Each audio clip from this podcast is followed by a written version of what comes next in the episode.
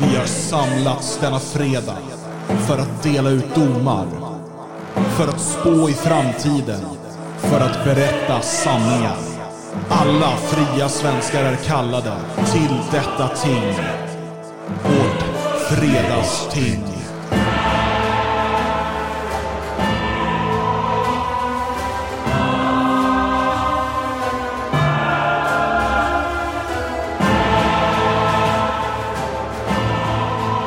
Varmt välkomna till Fredagstinget eh, denna 14 maj 2021.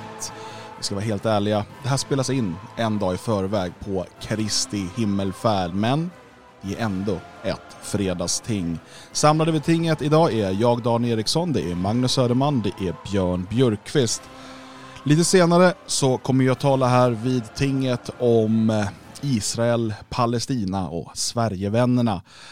Vad ska du tala om idag Magnus? Jo du Dan och Björn och kära lyssnare. Jag tänkte, ja men det är en bandbulla, det är ett öppet brev, det är en chakus, det är en anklagelseakt som riktas till den patetiska humanisten. Mm -hmm. Ja det låter eh, spännande. Och eh, ja, det är ju bara en person till som ska tala så att vi lämnar över tingsplatsen här till Björn Björkqvist. Tack. Eh, jo, jag kommer också in lite grann här på mm, eh, Israelfrågan och så. Eh, för jag tänkte börja med att berätta att av 14 miljoner judar så finns det 136 nobelpristagare. Bland världens 1,2 miljarder muslimer så finns det åtta nobelpristagare. Andelen judiska nobelpristagare är ehm, 1457 gånger större än eh, bland muslimerna.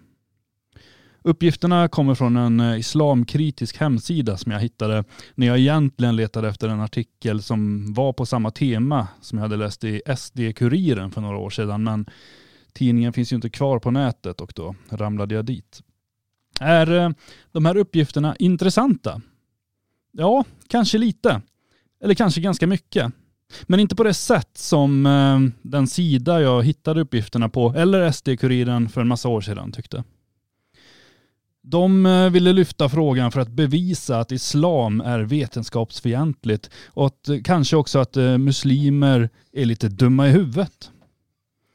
Tittar man närmare på nobelpristagarna så är ju hela sex av de åtta mottagarna eh, bland muslimerna dessutom vinnare av fredspriset.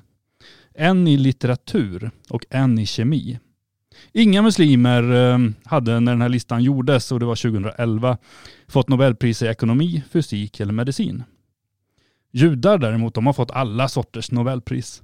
Eh, men de är framförallt starka i fysik, följt av medicin och sedan ekonomi.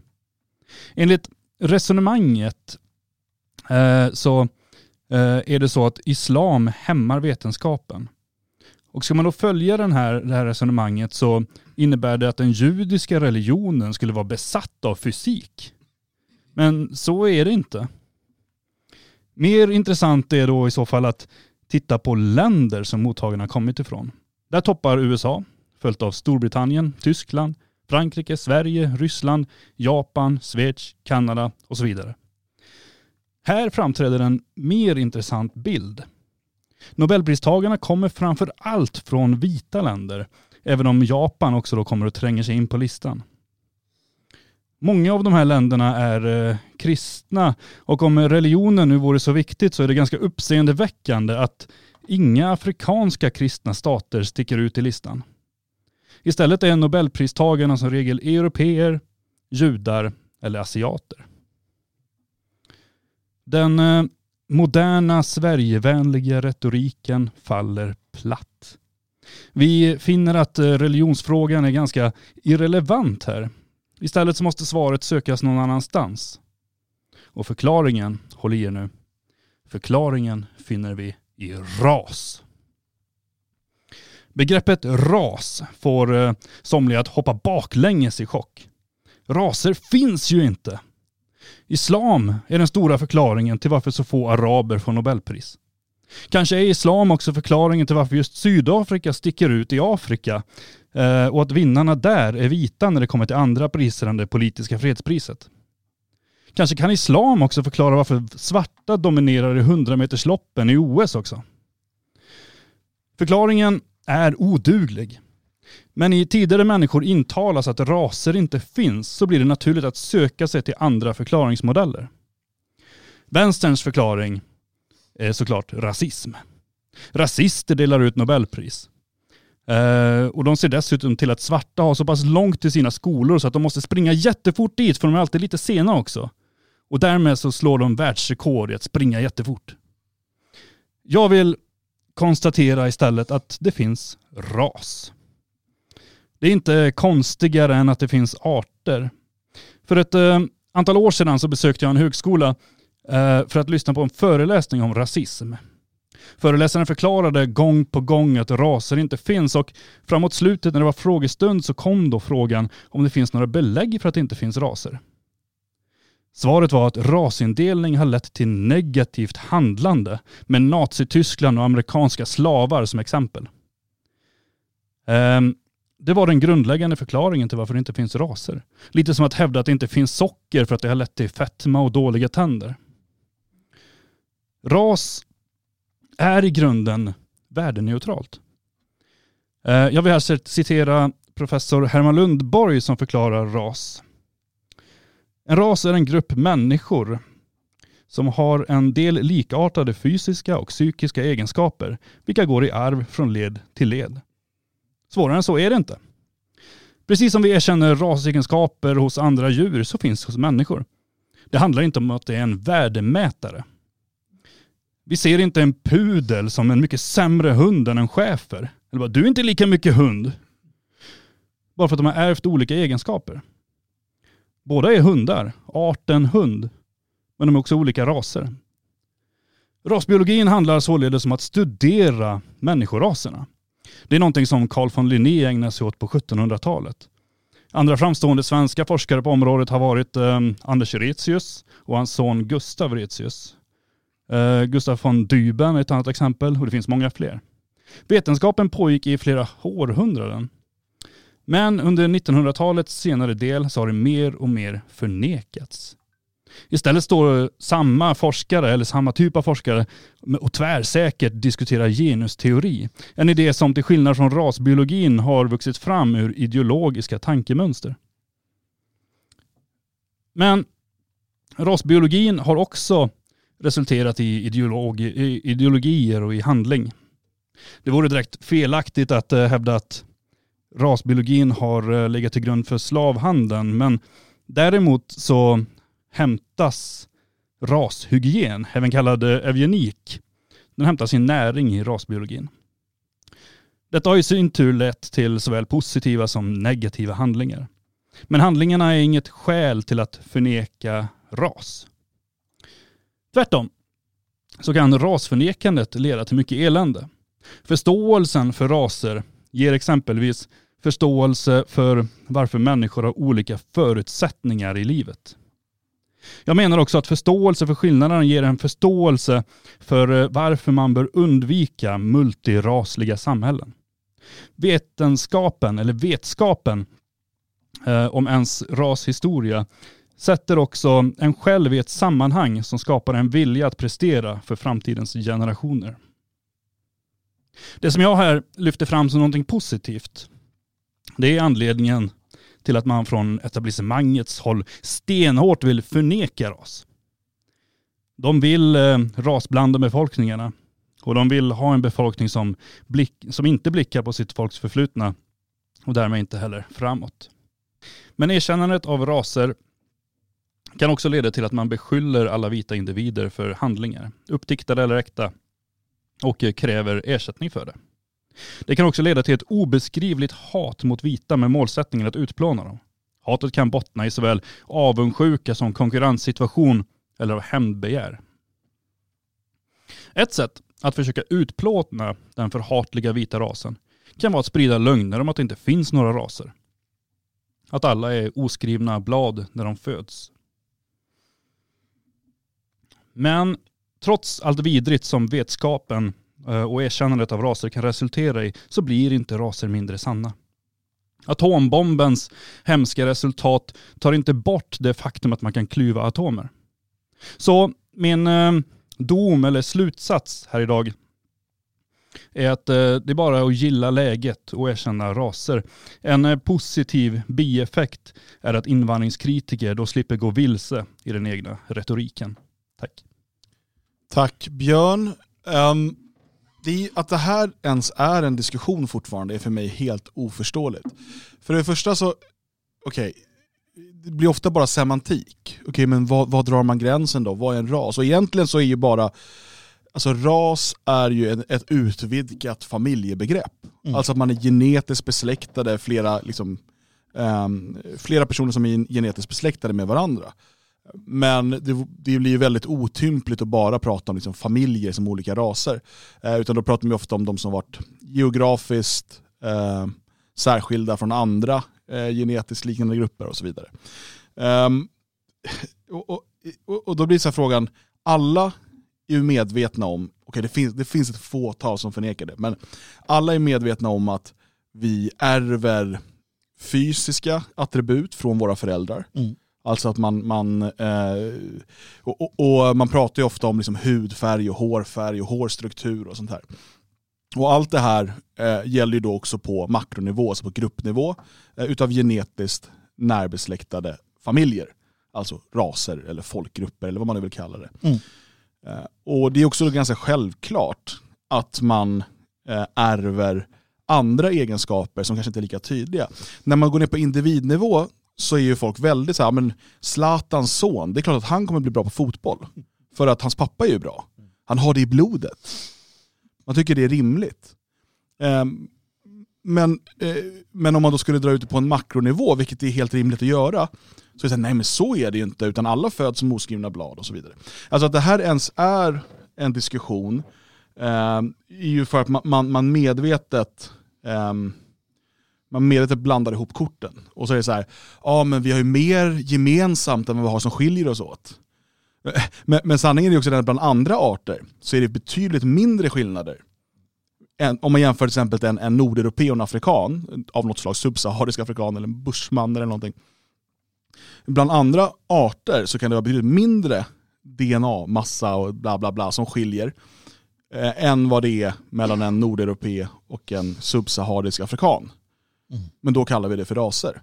Så det är klart, det absolut mesta eh, av våra gener är jättelika varandra.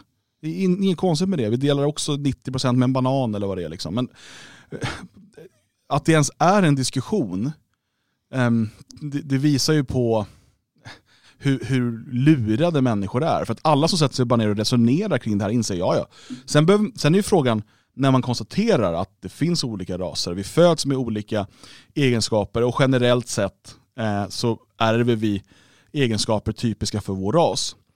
Um, det, det är bara det, vad gör man med den insikten? Det är väl den frågan som borde vara intressant att diskutera på ett politiskt plan. Det här huruvida det existerar skillnader mellan folkgrupper och raser. Det är ju en låtsasdiskussion för att det är självklart. Men det är det som är så sorgligt också. Att, att, eh, att man inte bara kan kan erkänna det. Nu är det ju så att eh, FN erkänner ju raserna. Eh, det står ju i de mänskliga rättigheterna etc. I USA så har man gjort det länge. Nu börjar den här eh, kritiska rasteorin slå igenom helt och hållet. Ehm, men, men generellt sett så, så har ju faktiskt Sverige varit i framkant på det, just, just den dumheten. Eh, och, och, det beror delvis på eh, att, att det finns en, en medveten strävan dit hän. Uh, tittar man på Frans Boas, antropologen i USA som trängde undan sådana som uh, Madison Grant och andra, uh, vilka hade en, en, en, raslig grundsyn. Han hade en annan syn. Han kommer i samma tid som Frankfurtskolan, Adorno och hela gänget. Men han eh, hävdade ju på fullaste allvar eh, att eh, sånt som hudfärg, textur på hår och, och hur skelettet utvecklas, att det har, att det har sociala orsaker. Alltså att de inte är betingade till biologin. Det var hans tes som, som liksom byggdes upp en, en, en sekt kring honom och sådär. Men, men det är också ett krav, alltså man, man, man var tvungen för att om man ska kunna se det mera hävda att det inte finns kön, alltså hela den här diskursen. För att kunna komma någonstans med den så måste du ju eh, slå hål på, jo, det du ser. Alltså eh, vi, vi ser ju alla skillnader. Ställer du en afrikan, en vit, en, en indian eh, och så bredvid varandra, då ser vi ju att det är olika olikheter på ett mycket mer eh, tongivande sätt än om vi ställer oss tre bredvid varandra. För där finns det många likheter. Men om du kan förneka det, då kan du sen förneka vad som helst. Och det är dit här man, man vill och har kommit, vågar jag hävda. Men, men det är ju också så att väldigt många av de politiker och andra som driver på massinvandringen, de tror ju också på det här. Alltså att det inte finns några Mm, skillnader. mm. Ehm, det är inte bara något de säger som propaganda. Nej, nej. Ehm, utan eh, för att jag, jag tror så här, många, många som idag, vare sig de är sossar eller moderater eller något annat konstigt, som är för massinvandring med motiveringen att det ska rädda vår välfärd och de ska dra in skattepengar och bla bla bla. De tror ju på Mm. det. De, det är inte bara något de säger, de tror att det kommer, att eftersom alla ändå är lika, Mm. får bara deras barn gå i svensk skola så kommer de liksom ha samma utfall som svenskar. Och därmed eh, eh, så kommer det liksom, vi få en större skattebas och pensionerna kommer räddas i det här eviga pyramidspelet. Hade man istället då haft eh, liksom, så klart för sig att nej, men det finns olika folkgrupper, olika raser och med generella eh, särdrag och, och fallenhet för olika saker och så vidare. Då hade man varit tydlig med, ja ja, okej om vi nu ska lösa det här med invandring, det tycker jag inte vi ska göra, men om man ska göra det, då måste vi ha invandring ifrån länder som kommer passa in och eh, högprestera i vårt samhälle. Då hade man inte letat i, i liksom Somalia. Det, det, det, generellt sett så kanske det finns andra fördelar där, men inte för att rädda pensionerna i Sverige. Nej, men det förstärks också på så många olika sätt. För att vi har ju dels det här vetenskapliga där, där Mona Salins ord väger tyngre än Carl von Linné. Så att, eh, ja, men Socialdemokraterna säger att det finns inga raser och då är det så. Eh, sen kommer man till ett annat land, då kan det finnas det. Men de, de har inte kommit lika långt heter det. Eh, men sen har vi även en lagstiftning och ett sätt att leka med ord som konstant, att man inte längre får säga neger till exempel. Eller, eh, man får inte ens tala, alltså man får inte ha namn på de olika folkgrupperna utan man har eh, gjort så här icke-vetenskapliga varianter istället. Det ska heta utifrån vart man kommer, alltså afrosvenskar till exempel. Vilket då mer handlar om eh, platser och så. För att ta bort begreppet ras mer och mer. Eh, och jag tror ju någonstans att det här är ganska farligt för att man möter ju ofta, alltså de som verkligen håller på och tjatar om islam som en IQ-mätare till exempel. Mm. Eh, det, det finns väldigt mycket som tyder på att de verkligen de tror inte på raser utan de söker ju med ljus och lykta efter en förklaring till varför det ser ut som det gör i andra delar av världen. Mm. Eh, När det egentligen är väldigt, väldigt enkelt. Ja, och vill vi eh, dels lösa Sveriges problem men i längden också göra världen till en bättre plats för alla eh, så är ju insikten om ras avgörande. För att det är bara på det sättet vi kan eh, ha rätt eh, åtgärder och rätt liksom, väg framåt. Genom att liksom, utgå ifrån terrängen och inte från kartan. Det är ju avgörande. Det, det, det eh, pratas idag mycket om och jag håller med. Hur bra det är att vi insåg att det fanns människor som var ordblinda. Vi insåg att det fanns människor som har ADHD, DAMP och vad det nu heter. För att då kunde man sätta in rätt åtgärder. Det var inte som när jag var liten, att du är stökig in i lilla gruppen med dig. Sitt där och var liksom som du är. Utan nu säger man att men du behöver den här hjälpen och du behöver den här hjälpen och du behöver den här hjälpen. Och det är jättebra. Man kan hjälpa människor. Titta, du får glasögon. Jag hade ont i huvudet när jag var liten.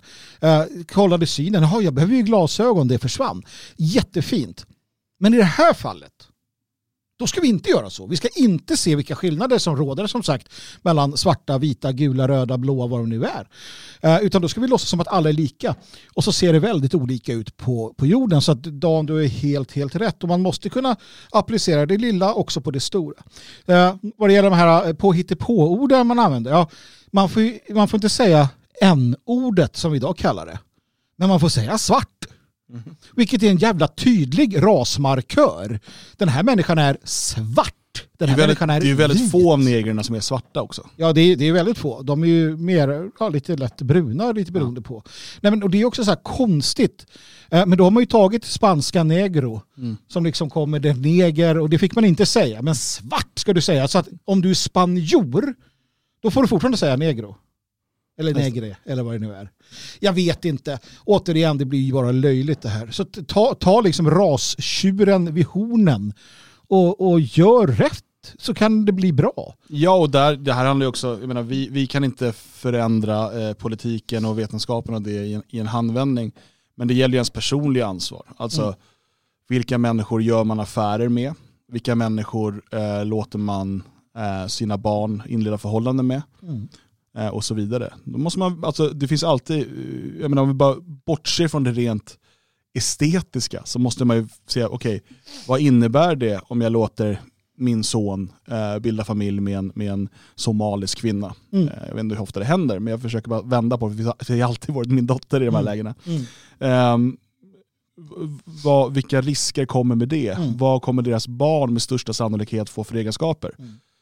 Det här har vi inga problem att göra när det liksom gäller våra husdjur eller hästar eller vad som helst. Då är det superviktigt. Men när det gäller våra egna barn, då så äh, skit i det. det kan men där finns det ju också finns ju medicinska, eh, intressant nog. Ja. Alltså medicinen vet ju om detta. Men av rädsla för att erkänna rasskillnader så säger man ingenting. Utan man arbetar febrilt för att hitta mediciner för åkommor som kommer i blandrasliga äktenskap eller ja, avkommor. Istället för att säga ja men det kan bli så här. Det är ingen som säger det. Vilket är ett sånt svek mot de människorna också. Det finns annat, psykologin har en del att säga om detta. Mm. Men det gör de inte, för att då blir de rasister och det kan man ju inte vara. Det är det värsta som finns, bättre att barn föds och mår dåligt, eller hur? Ja, absolut, säger de. Mm. Jag tycker det är fruktansvärt. Fruktansvärt! Så vi skriver under på din dom, Björn, och så lämnar vi över tingsplatsen till Magnus Söderman. Tack så mycket.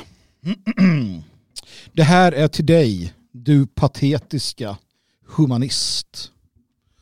Du irriterar mig, du förargar mig, du gör mig äcklad.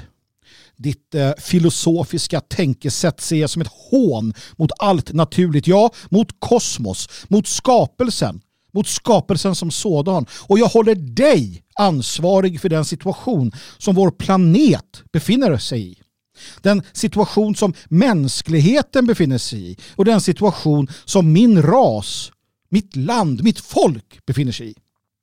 Länge nog har ditt tankegift fritt fått strömma från dina falska läppar och jag ser det nu som min plikt att bannlysa dig och en gång för alla förinta dina villoläror. Du menar att din filosofi äger en förnämlig tradition från de perioder i historien som anses vara kulturella guldåldrar. Säkerligen anser du även denna period vara en sådan eftersom ditt dravel aldrig varit mer populärt än vad det är nu i denna så kallade västerländska civilisation. Den måste kännas som himmelriket för dig. Men jag frågar mig, vad är din civilisation? Vad är din utveckling om resultatet bara är hysteri och tillbakagång? Vad är statsmakt och lag, din statsmakt och lag, om dess skörd blir människor utan livskraft? Och vad är era religioner och er litteratur om dess främsta produktioner och produkter är horder av trogna slavar? Vad är evolution och kultur om frukten är en döende ras med ruttnande ben? Du och det dina har genom er humanism kastrerat framförallt den vita mänskligheten och förvandlat en gång livskraftiga individer till patetiska, patetiska, inte ens avbilder av sig själva. Humanismen sätter människan i centrum för allt. Du vill inte veta av något högre väsen utan anser att människan själv är människans mått. Du vill framhålla det som skiljer människan från naturen. Tänk att du i din idioti ens kan tro på något så dumt. Vi kan inte vara skilda från naturen. Inget levande, inget som existerar i vilken form eller dimension eller sfär det än må vara kan vara skild från naturen. Naturen är allt och alla överallt. Men det vill du inte erkänna. Eller hur? Nej, du vill se på människan som något högre än naturen. Du är lika vilsen som de som ansåg att jorden var universums mittpunkt bara för att prästerskapet hävdade det då. Du tror i din egocentriska dimma att du är medelpunkten, syftet och orsaken. En upphöjd varelse som kan sätta sig upp mot det eviga kosmos, mot allfader Gud. Men du är patetisk. Det är på grund av sådana som du som vår planet våldtas och skändas till gränsen för undergång. Men vad då? Människan är ju skild från naturen. Vi står ju över den, mumlar du medan du sliter den ett stycke ur vår moder. Du tror att naturen finns för att tjäna dig eller för dig att nyttja som du finner passande. Vi finns för att tjäna det eviga kosmos. Tro inte att naturen kommer att låta dig fortsätta med ditt skändliga beteende. En dag kommer domen också för dig. Som mull kanske du för en gångs skull kommer göra någon nytta. Då tillför du till sist naturen något vettigt. Respekten för människovärdet är din heliga idé. Eller hur, min patetiska humanist? Oavsett hur nu människan kommit till att bli det högsta väsendet så vill du ena alla kring det faktum att hon skulle vara det högsta. Visst, vi har förmågor som skiljer oss från djuren. Men hur har dessa förmågor eller egenskaper använts för att harmonin med naturen ska bevaras? Inte alls. Inte ett dugg. Fast det är klart, vi behöver ingen harmoni eftersom vi är upphöjda, överlägsna varelser. Du slänger runt dina floskler om människovärde, om jämlikhet, om livets okränkbarhet, om att vända andra kinden till, om att älska och hjälpa alla de svaga. Ja, det är verkligen en upphöjd och överlägsen människas filosofi du trumpetar ut. Den får dig att må bra och känna dig duktig. Men den leder till undergång, till elände, till sorg, till smärta för alla som drabbas av den. Och ras, ja, det bekymrar du dig inte om. För alla är lika och det finns ju inga raser. Eller hur? Du menar att vi måste hjälpa dem som anses vara underutvecklade till att utvecklas?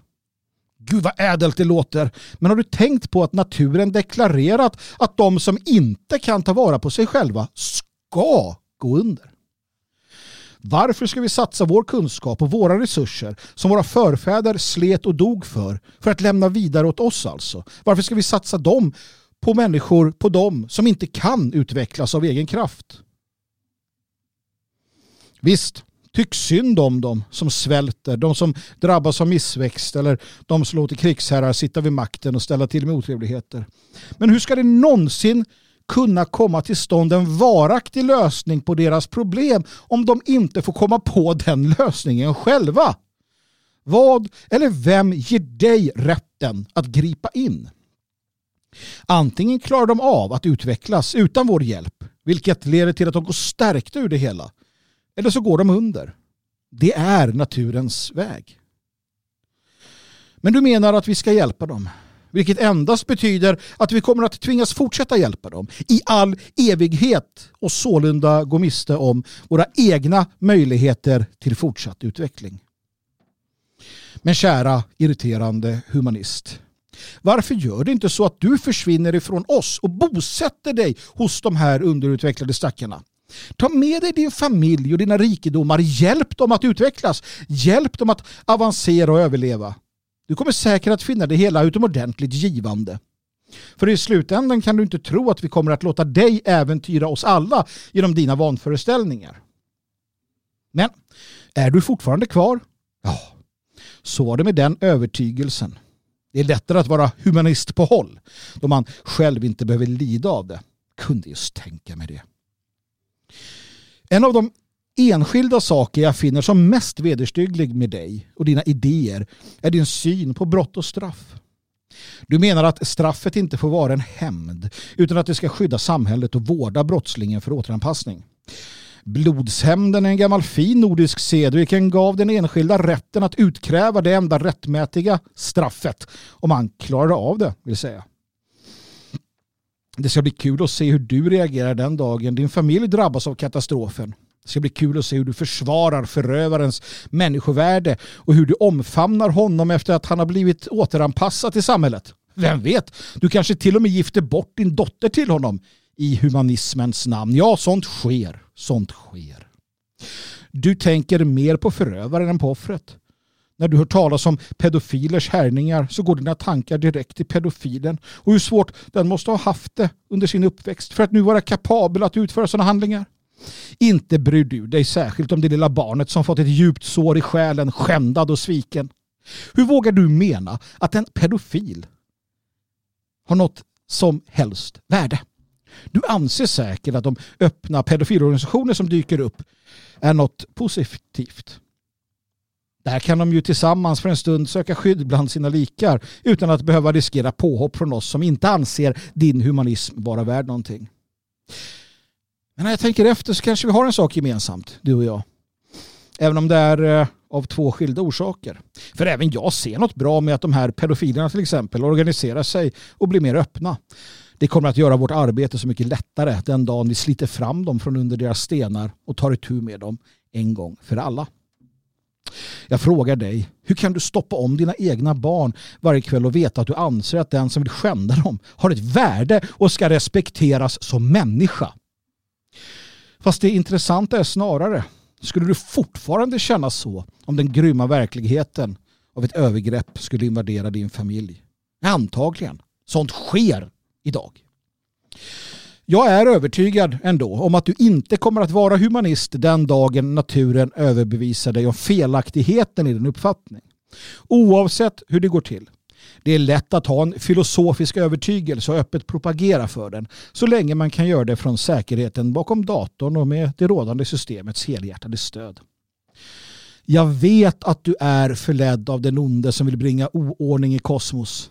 Jag vet att du från barnsben blivit uppfostrad till att tro på denna lögn.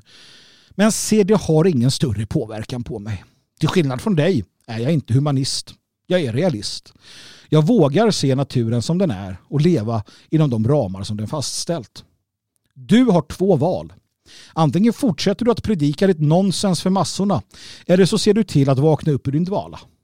Jag kommer inte att sätta fingrarna emellan den dagen de kraftfulla och livsdugliga människorna som fortfarande finns kvar på vår planet kommer för att utkräva sin hämnd. Den som vågar erkänna och leva efter de naturliga lagarna kommer att överleva och avancera. Ja, till och med du skulle kunna göra det. Om du bara vågade och klarade av att slita bort humanismens dogmatiska bojor. Det är faktiskt din enda chans. Vi är realister precis som ni humanister, finns överallt. Vi finns representerade inom varje ras, varje folk och varje nation på denna jord. Och även om jordens massor faller för era sockersöta ord så gör vi inte det. Vi bidar vår tid. Vi inväntar och förbereder oss. Och när vi reser oss, var och en inom sin rasliga nation, med sina etniska gudar kokande i blodet, så har ni humanister spelat ut er roll för evig tid.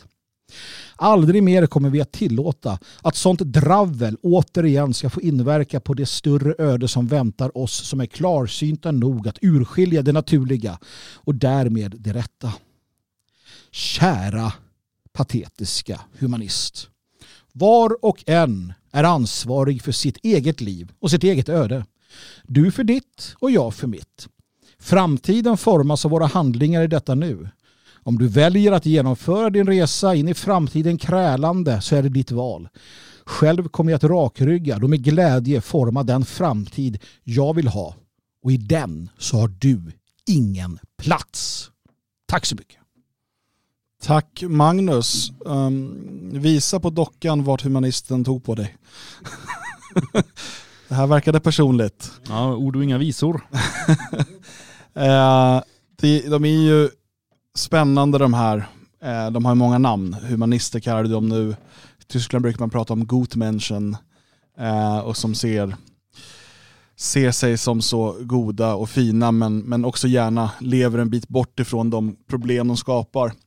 Eh, och jag vet helt ärligt inte riktigt hur man ska komma åt dem. Det finns ju den där idén om att bara de drabbas av det själva så, eh, så kommer de att förstå att deras idéer är galna.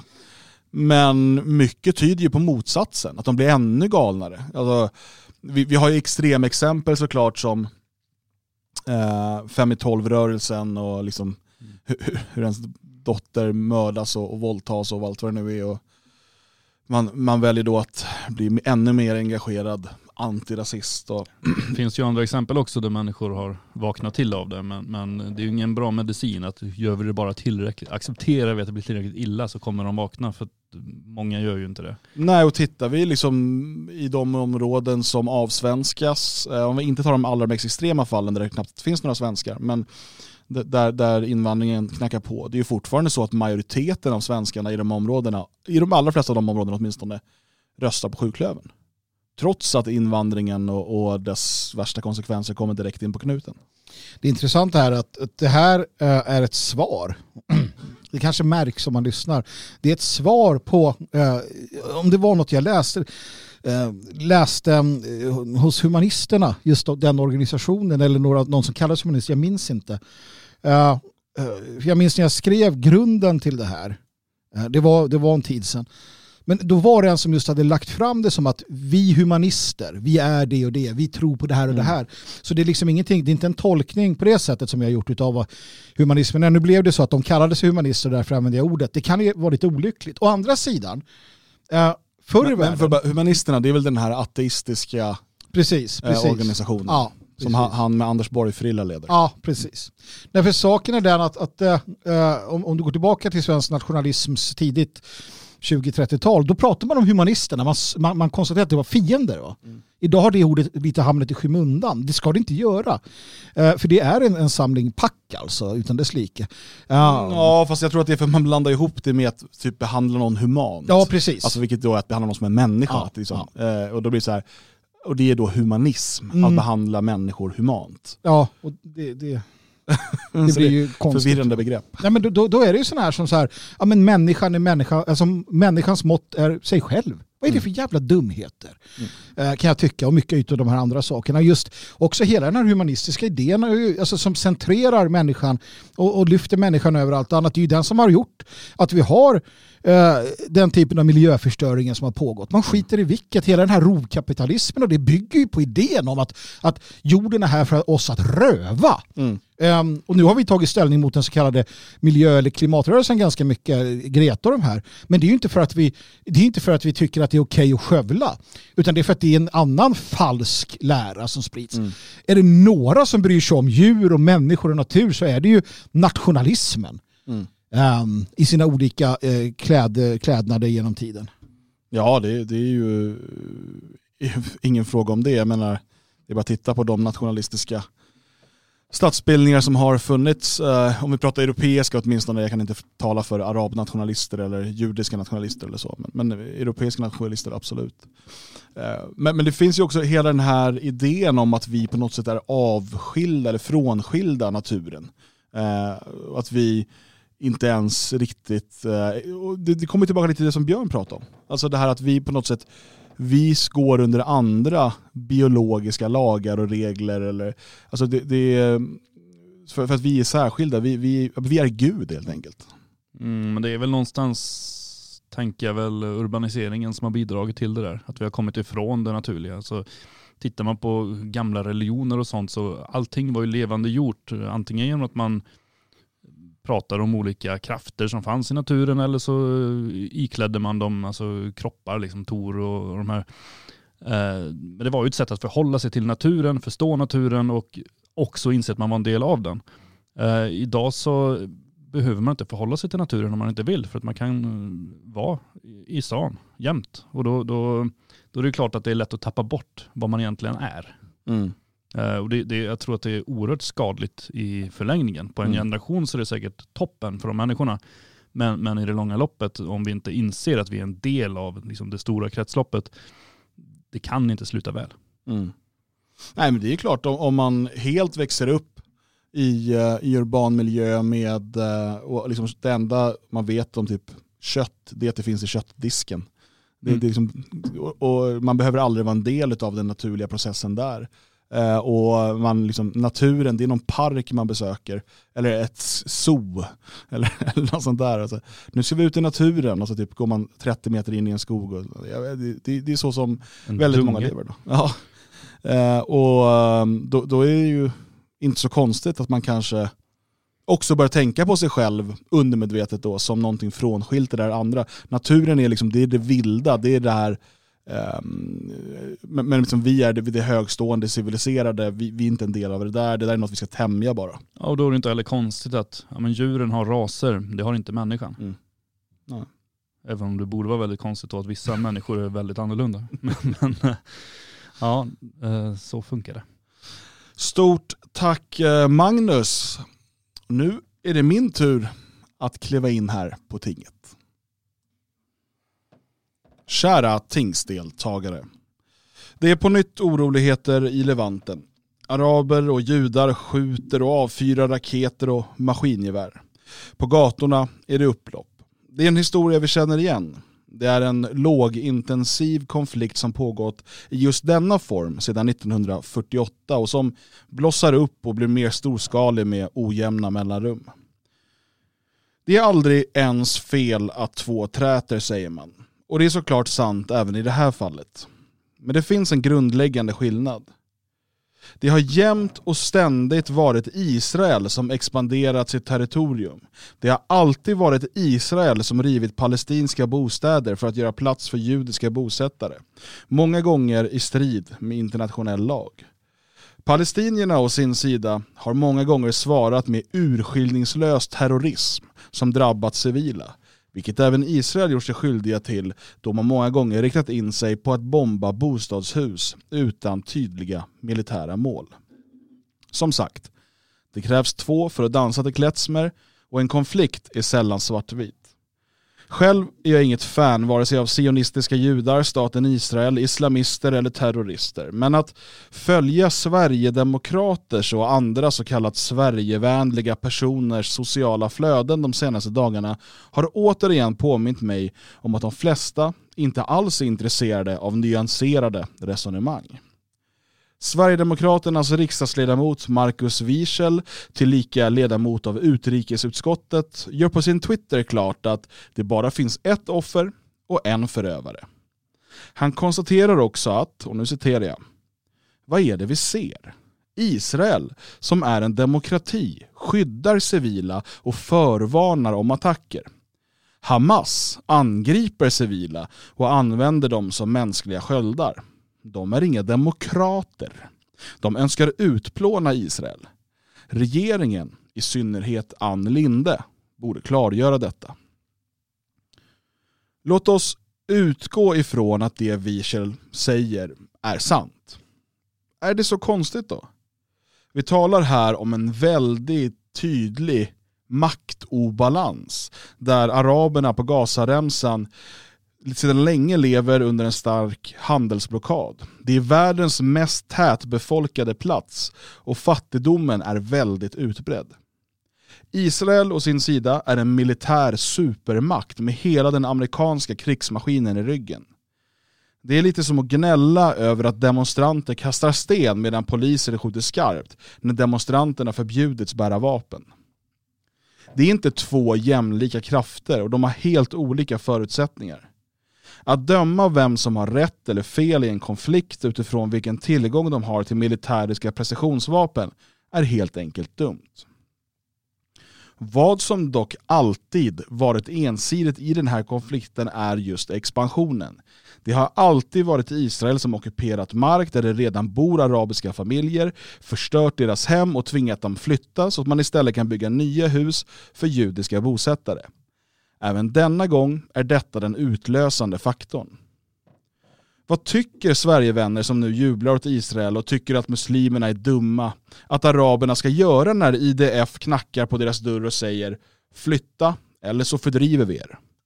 Ska araberna bara tacka och ta emot, flytta från sina hem och låta judestaten expandera fritt? Är det inte rimligt att de vägrar och att de gör motstånd på det enda sätt de kan? Jag ska vara ärlig, jag har ingen större sympati för palestinierna. Det är inte mitt folk och det borde inte vara min konflikt. Men för lätthögern och Sverigedemokraterna är det jätteviktigt.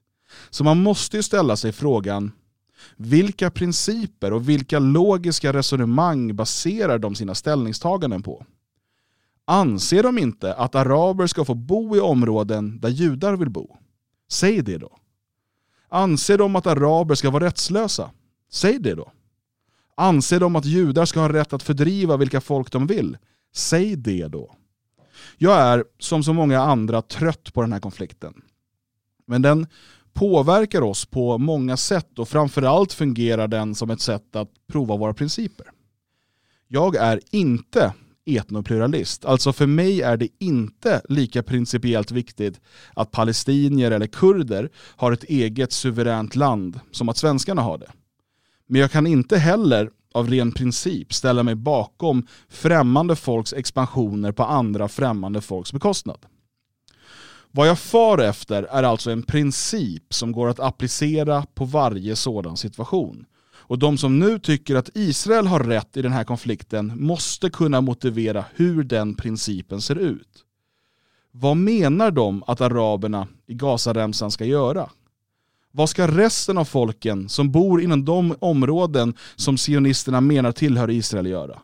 Måste hela världen anpassa sig till judars vilja? Och varför gäller det bara just judars vilja? Ska assyrierna ha rätt att fördriva alla som nu bor inom deras gamla rike? Och hur ska vi svenskar göra med Finland egentligen? Principer, tack. Mm. Du valde att klättra upp på det berget och dö där. Det är lite det man gör. Va? För att eh, du pratar om principer och du pratar om vad jag kan tycka logik. Uh, vad ska vi göra med Finland och så vidare. Problematiken ligger i att det där finns inte på, på, på spelplanen. Det handlar inte om det. Det handlar inte om vem som började. Det handlar inte om uh, vem som har rätt eller vem som har fel. Det handlar om vem som har bäst lobbyorganisation. Mm. Och bästa lobbyorganisationen har judarna för att de har mest resurser. Och då uh, blir det som enligt dem är rätt, det rätta. Um, och därför är vi där vi är idag. Framförallt handlar det om att Sverigedemokraterna svängde. Och eh, det gjorde de eh, för ett antal år sedan med Björn Söder i spetsen. Från att vara antisionister och de facto mot eh, judisk expansion till att bli prosionister och för Eretz Israel, det vill säga Stor-Israel. Och med dem så, så följde hela den hela den här eh, sverigedemokratiska, Sverigevänliga rörelsen och, och därefter så eh, har vi också kunnat se hur eh, Israel-lobbyn i eh, USA framförallt har varit med och finansierat counterjihadistiska krafter i Europa. Eh, det vill säga du får eh, massor med pengar för att skriva illa om islam ehm, som du ser som ett stort hot. Mm. Därtill ska du då inte prata så mycket om Israel utan Israel är den demokratin i Mellanöstern och så vidare. Och, och det lyckas de med för de hade mycket pengar. Så att där ser jag ju snarare att det är, för att tittar man på det, skulle man titta på det som händer nu, som kan bli en liksom fjärde intifada, så är det att Israel gick hem till några palestinier och sa flytta på er. Och de sa nej.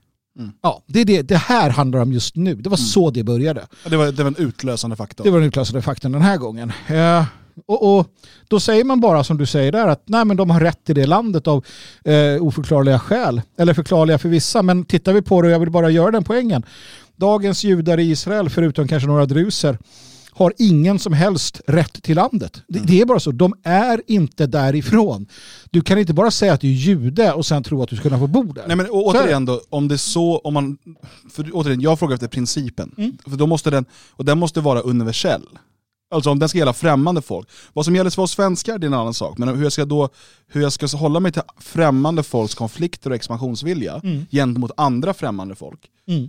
Den måste ju vara, då måste det finnas en princip bakom den. Alltså som säger då att, och då, därför tar jag då exemplet med assyrierna eller mm. armenierna eller vilka andra och folk som helst. Ja, som någon gång har varit, eh, haft betydligt större riken än de har idag. Vissa av dem har inte ens. Ja, och, och eh, ska de då ha rätt att fördriva, alltså ingen ska få göra motstånd, ingen ska få säga nej ifall eh, assyrierna liksom vill återta ja, Irak och Syrien och mm. vad, vad deras rike var väldigt stort.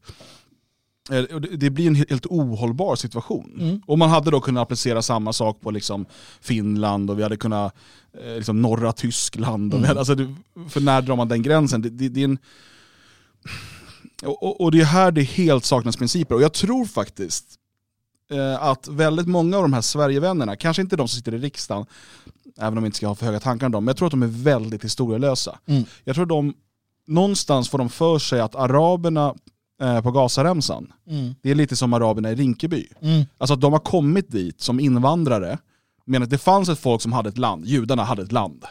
Eller kanske inte en stat, men det var deras land. Och så kom det en massa araber och bosatte sig där, och nu är det kravaller. Mm. Tänk att det är som, det är som Husbykravallerna, det går liksom att jämföra på något sätt. Just det. Och, och då är man ju bara oerhört historielös. Absolut, man kan argumentera för att för 2000 år sedan bodde inga araber där. Det kanske var så, det vet jag inte. Fan, fanns det ens folk som kallades araber då liksom? Nej, men du, du hade ju 40 år i öknen, Moses, om man nu skulle identifiera dem som, som judar. Det var de inte, de var hebreer, men det är en annan sak. Men de där 40 åren, man bodde... Nej, du kan inte, du kan inte välja på måfå. Det här, när Israel, de 12 kungadömena fanns, det är det det gäller. Ska skåningar ha rätt att driva ut smålänningar? Nej, men, nej, men, ja, precis, upplänningarna och sån här. Nej, men, och det här principen förblir ju då att det bor ju uppenbarligen araber i det här området och de bor under rätt skitiga förhållanden på grund av den här blockaden och liksom Mm. allt. De kan inte eh, importera och exportera fritt och sådär. Eh, och sku, ah, när man då säger att av princip då så ska Israel, eller judarna i Israel, ha rätt att bara ta deras hem ifrån dem. Mm. Och de ska inte få protestera. Och vad menar hur ska de, vad har de mer för sätt att protestera förutom att eh, ställa till jävelskap? Alltså, för, för det är också så här, det är inte en konflikt de kan vinna. Men det enda de kan göra är att kasta iväg lite raketer. Eh, Israel har det här superhögteknologiska eh, Dome Defense-systemet, Mm, så knappt någonting dimper ner till slut. Eh, de kan skjuta lite i luften, de kan liksom kasta... Vet, det, är, det är små potatis mot Israel. Jag menar, Israel kan, skulle kunna rämna hela Gazaremsan med marken om de ville. Mm. Eh, men, men den här expansionen har ju pågått ända sedan 48. Mm. Om du tittar på en karta över liksom Israels gränser 48 och nu, Mm. så har de expanderat, expanderat, expanderat. Och det är inte så att det har varit obebodd mark till stor del, utan framförallt har man ju då fördrivit andra folk, bland annat araber. Det finns också andra folk som har drabbats av det här. Jo men skit i araberna tar då. Skit, skit, skit i, ja, men så här, Sverigevänner, ni som nu i parti och minut står upp för Israel och deras, eh, deras expansion. Är ni också för, och det måste ni ju vara, att Israel, eh, alltså det är bättre att Israel säger så här att om sex månader så mattbombar vi Gazaremsan, mattbombar vi eh, liksom allting. Vi ska ha det här, det är vårt. Är det till Israel, det är vårt. Vi tänker ta det här. Är ni kvar så dör ni, är ni inte kvar så, så bra. Och så säger alla araber, okej vi drar till Europa. Då säger Sverigevännerna i SD, fan vad bra, kom till Sverige. För det är ju det som är konsekvensen. Israels politik som dels handlar om expansionism men också handlar om att destabilisera Mellanöstern, spela ut arabstater mot varandra, den leder ju till krig som leder till massinvandring. Alltså den judiska statens agerande leder till massinvandring i Sverige. Det måste ju då per logik Sverigevännerna och Sverigedemokraterna tycka är jävligt bra. För det är vad som kommer i slut. Eller ska de så här, ja, men de har rätt att fördriva alla palestinier för de ska bo i, inte vet jag, Förenade Arabemiraten. Eller Och det är också Vad? så här, eh, för det är ett vanligt argument man hör så här, men det finns ju 50 andra muslimska länder, de kan väl bo där? Vad är det för, ens för argument? ja, nej. För det första som att alla muslimer är samma folk då eller? Ja, ja precis. Ja. Alltså islam, och det, här, det är ju poängen de själva gör, islam är ingen ras. nej. Det gör de ju själva som alltid, Ja. ja. det är ju massa olika folk som är muslimer. Dessutom olika schatteringar av islam, som hatar varandra Ja. en del av dem. Men då gör det ingenting om, om ett, ett afrikanskt land, de som är kristna, Mm. att de kommer till Sverige allihopa per samma logik. Då säger Sverigevännerna bra för de är kristna. Då är de välkomna till Sverige för det är ett kristet land, säger man ju. Ja. Och, och Italien är ett kristet land, då kan alla protestantiska, eller vadå, dumhuvuden, ärligt talat, det är så jävla dumt. Och det är som du säger, det är en historielöshet, det är en okunskap, men det är också den här flockmentaliteten. Men, men, för jag menar, om man ska applicera någon typ av princip, så är det så här, det är klart att man, man, man eh, av princip ska fördöma eh, terrordåd mot civilbefolkningen som, som Hamas till och från eh, genomför. Ja. Eh, men man måste ju också av princip fördöma Israels expansion. Israels, och, och speciellt när de inte ens gör en hemlighet av att det finns en målsättning av hu, hur Israel ska expandera. Sen är man smarta nog att göra det här steg för steg. Mm. Och om, om den som inte har koll på det, om man kollar upp Eretz Israel, Stor-Israel, det som liksom är sionisternas slutmål för, för liksom vad, vad de tycker att de har rätt till. Eh, det är inte bara palestinier som kommer drabbas. Nej, nej, det, det är ju hela, hela regionen. Och jag menar, då måste man ju också fördöma till exempel användandet av vit fosfor som Israel har gjort. Man borde fördöma det faktum att Israel har kärnvapen eh, i brott mot varenda överenskommelse. Men så kom ihåg att sionismen var i FN fram till någon gång på 70-talet va? Eh, eller 80-talet. Döm, alltså den var förbjuden eller det var eh, Klassad som terrorism. klassad som, som liksom, ja, rasistiskt och eländigt. Och så vidare. Ja, och, och ja, du har hela den biten där. Så att, eh, Men en sak som man lyckades väldigt bra med med den här kontrariadistiska rörelsen i, i västvärlden, eh, det var ju, och det hade vi pratat om förut, att man fick ju, man fick invandringsmotståndarna att sluta fokusera på invandring Mm. och bara fokusera på islam. Mm. Ehm, och, och det kan man ju se tydligt om man läser Sverigedemokraternas informationsmaterial fram till typ att Jimmy Åkesson tar över partiet i den här ganska spektakulära kuppen Mm. faktiskt som man ju genomförde 2005. Eh, Så absolut, man talar om islam och islamisering, alla de här sakerna, det nämns till och från. Mm. Men framförallt talar man eh, om invandring. Och att problemet med utomeuropeisk invandring och så vidare. Precis. Det var därför man var, man var emot utomeuropeisk adoption. Ja. För i grunden handlar det om förståelse för etnicitet och ras och sådär. Mm. Men i och med att kontrajihadiströrelsen tog över mer och mer, starkt finansierade framförallt av judar, Mm. så börjar man bara fokusera på islam. Mm. Eh, och, och det är där vi är nu. Och, det, och då eh, har man då den här bilden av att världen, alltså konflikten i världen, eh, och det är lätt för oss människor att liksom vara så dualistiska eller dialektiska, liksom. det, det, det finns två poler. Mm. Och det, det, så, så resonerar vi också ibland mellan gott och ont till exempel. ja, visst, visst, visst. Men här är det då islam mot resten. Ja, och resten är då företrädda utav judarna. Ja. Alltså judarna har, precis som i deras bluff om att de är Guds egendomsfolk, att de är Israel, eh, för det är en bluff, uh, svårare än så är det inte, så är det en bluff att de på något sätt skulle vara banerförarna mot detta.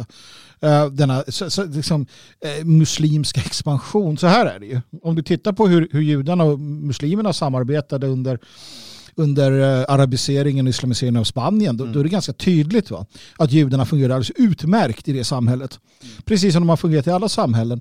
Eh, de som har stått i bräschen är ju eh, den, den västerländska europeiska civilisationen för att försvara Europa. Um, på olika sätt och vis. Så att nej, det, det finns liksom ingen det finns liksom ingen, eh, ingen det kan inte finnas någon samsyn där heller. Ehm, sen är det ju också man, man kan inte prata om det här utan att prata om uh, det faktum att judarna själva eh, jag tittar på Paideia, jag tittar på så många exempel, Uh, kräver att Europa ska vara mångkulturellt. De kräver det samtidigt som samma människor kräver att Israel ska vara en speciell tillflyktsort för judar. Vi har haft och pratat om det i, i radion tidigare. Eh, svenska judar som säger att, eh, ja, sådana som Mikael Bindefeld, han har väl flyttat till, till Israel. Mm, han och Jean-Pierre Barre Ja, dit och så, för att det är det enda stället de kan känna sig trygga säger de. Efter att ha stått i Sverige och sagt att vi ska ha mångkultur och massinvandring. Uh, Katarina Janouch kan dra till Israel om de känner för det. Det kan inte någon annan som inte är jude.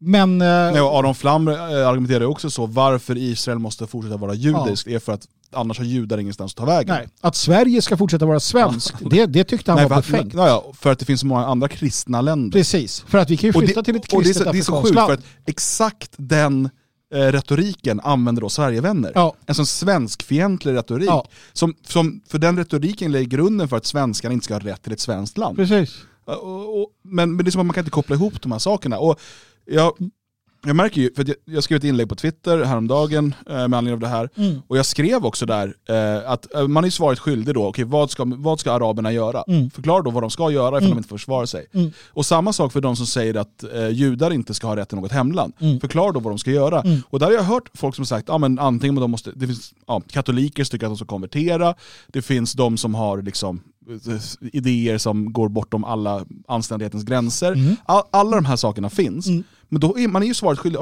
berätta då, vad är ditt, om du inte tycker att det är bra att judarna har en egen stat någonstans, Ja. vad är ditt alternativ? Ja. Det skrev jag också. Och det är så här, varför hatar du Israel? Precis. Men det var ju inte poängen. Jag skrev exakt tvärtom. Jag skrev att om man inte tycker att judar ska ha ett eget land, då måste man kunna motivera vad, hur ska det då, vad, vad ska de då ta vägen? Ja, och ställer du den frågan tycker jag att du borde börja jobba på en arabisk bordell. För det är där du hör hemma. För det var ett av de intelligenta svar du fick. svaren jag fick. ja. Nej, men man ser ju där, som sagt, eh, som sagt hur det här också då har påverkat på djupet. För den, den liksom, är, man vill ju knappt gå in i det här och säga någonting för att de svaren som kommer och den liksom upprördheten som Alltså så här, Sverigevänner är mer upprörda över detta Ja. än, än vad som händer i Sverige. Ja. Så, så enkelt är Ja, det ju. Sverigedemokrater är mer upprörda över det som händer i Israel om det drabbar judarna än om det drabbar svenskar. Saken är att jag, Så jag, är det bara. Så här, på många sätt, den här konflikten intresserar mig inte jättemycket. Och jag hade helst bara velat ignorera den. Men när ens flöde fylls med de här absurda, liksom, principlösa Ja. ställningstaganden, då måste man ju, från människor som annars ligger rätt nära en själv. Ja, ja, För det hade också varit så här, hade det bara varit liksom, galna kulturmarxister som Mm. skrev det, så här, ja, det är eran grej. Liksom. Mm. Men här måste man fråga sig, okej men hur ska den, enligt vilken, alltså vilken princip är det du applicerar på det här och hur, skulle det, hur funkar den i resten av, i alla andra konflikter Mm. i världen då? Pro- Problemet är att vi, att vi inte är känslomässiga. Problemet är att du utgår ifrån, eh, eh, så här, låt oss sätta oss ner och resonera om detta. Det kan du inte göra i den här frågan heller. Här har den judiska lobbyn lyckats. På samma sätt som i USA. Den judiska lobbyn lyckades få jänkare på andra sidan jorden i någon liten småstad i Arkansas att så här, "Äh, Israel är vår sak.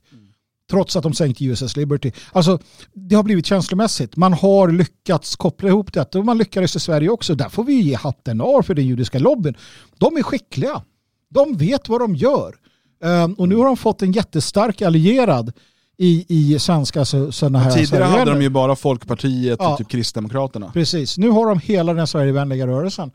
Eh, om vi kallar den det SD-anknutna då. Mm. Medan de här etno, etnonationalisterna som pratar om principer, de blir ju antisemiter. För om du inte säger att det är helt rätt att bomba Gaza, då är du antisemit. Och det ser vi då från Sverigevänner som tittar på oss och säger ni är ju antisemiter, ni hatar judar. Nej, eh, vi, vi, vi tycker inte man kanske ska bomba sönder Gaza. Mm. Eller gör det och fick säga att det är okej då. Ja precis, var ärliga med det då, för då, då förstår jag vilken princip ni utgår Ja, ifrån. precis. Judar ska folkmörda andra Ja. om de vill eller inte. Liksom. och då, då, då, Ja. då är det tydligt i alla fall. Nåväl, det här var allt från fredagstinget eh, den här gången. Vi är tillbaka eh, nästa vecka igen och då är det näst sista fredagstinget för den här säsongen.